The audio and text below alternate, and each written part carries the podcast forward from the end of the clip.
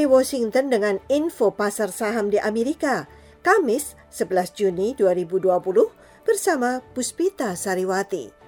Pasar saham di Amerika, indeks Dow Jones turun 282,31 menjadi 26.989.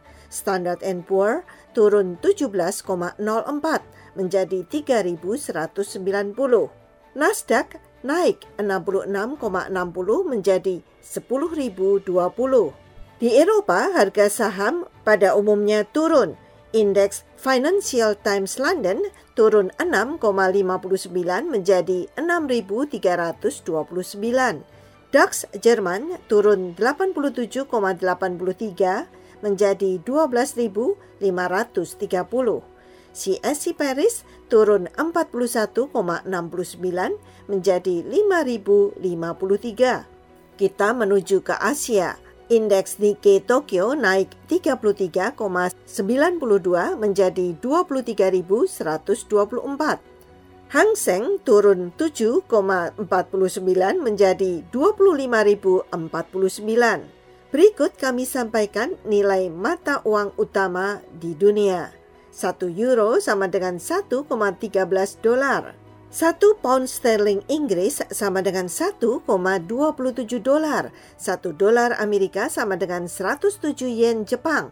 Dan 1 dolar sama dengan 13.980 rupiah. Kini kami sampaikan harga-harga komoditi di pasar New York minyak mentah naik 0,6 sen menjadi 41,24 per barel. Harga emas naik 11 sen menjadi 1.738 per troy ounce. Beralih ke hasil-hasil pertanian, biji coklat turun 25 menjadi 2.394 per ton dan harga kopi turun 1,15 sen menjadi 98,5 sen per pon. Demikian info pasar saham dan komoditi di pasar New York. Sebentar lagi kami sampaikan laporan ekonomi dan bisnis. Puspita Sariwati, VOA, Washington.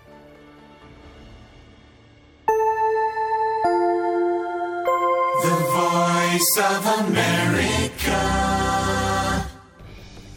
Laporan ekonomi dan bisnis bersama Puspita Sariwati. Starbucks memperkirakan akan merugi lebih dari 3 miliar dolar pada kuartal ketiga akibat pandemi virus corona dan mengatakan gangguan terhadap bisnisnya akan mereda pada sisa masa akhir tahun ini. Merek kopi Starbucks tangguh dan punya daya tarik bagi pelanggannya dan kami percaya periode paling sulit ini akan berhasil kami lalui, kata Presiden dan CEO Starbucks, Kevin Johnson, dalam sebuah surat terbuka. Perusahaan raksasa kopi yang berpusat di Seattle itu mengatakan hari Rabu, pandemi COVID-19 juga akan memangkas pendapatan operasinya antara 2 sampai 2,2 miliar dolar untuk kuartal yang berakhir 28 Juni. Starbucks berencana untuk melaporkan hasil kuartal ketiganya pada 28 Juli. Starbucks mengatakan penjualan di kedai kopi dan penjualan di lokasi baru yang sudah buka setidaknya satu tahun naik dalam enam minggu berturut-turut hingga akhir Mei.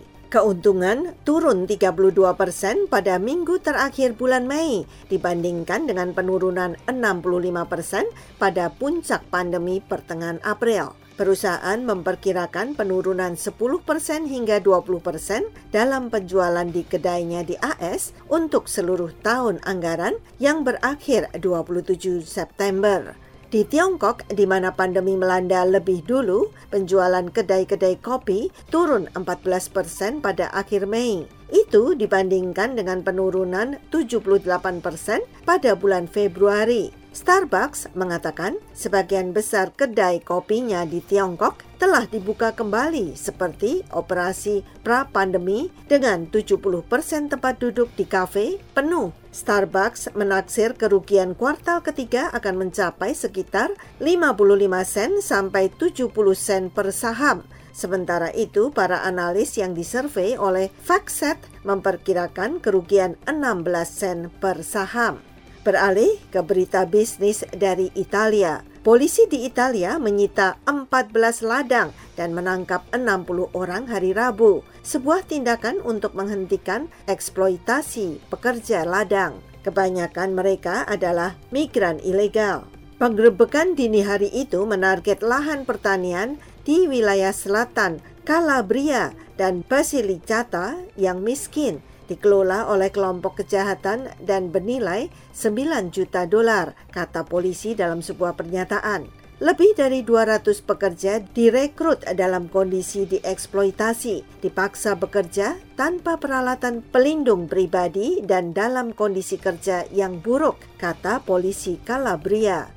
Operasi itu terjadi setelah pemerintah Italia bulan Mei memutuskan untuk sementara mengizinkan pekerja ilegal, sebagian untuk membantu pemilik ladang kehilangan tenaga kerja asing tetap mereka selama penutupan atau lockdown akibat virus corona di Italia. Ribuan buruh tani ilegal dari Afrika dan Eropa Timur itu memetik buah dan sayuran di Italia. Mereka sering dibayar dengan upah rendah dan hidup dalam kondisi di bawah standar yang layak di kam-kam. Di bawah rencana pemerintah, pengusaha harus membayar pungutan sebesar 500 euro per orang untuk memutihkan status para pekerjanya. Biaya tambahan yang dihindari sebagian orang. Sekian info pasar saham, laporan ekonomi dan bisnis, Puspita Sariwati, VOA, Washington.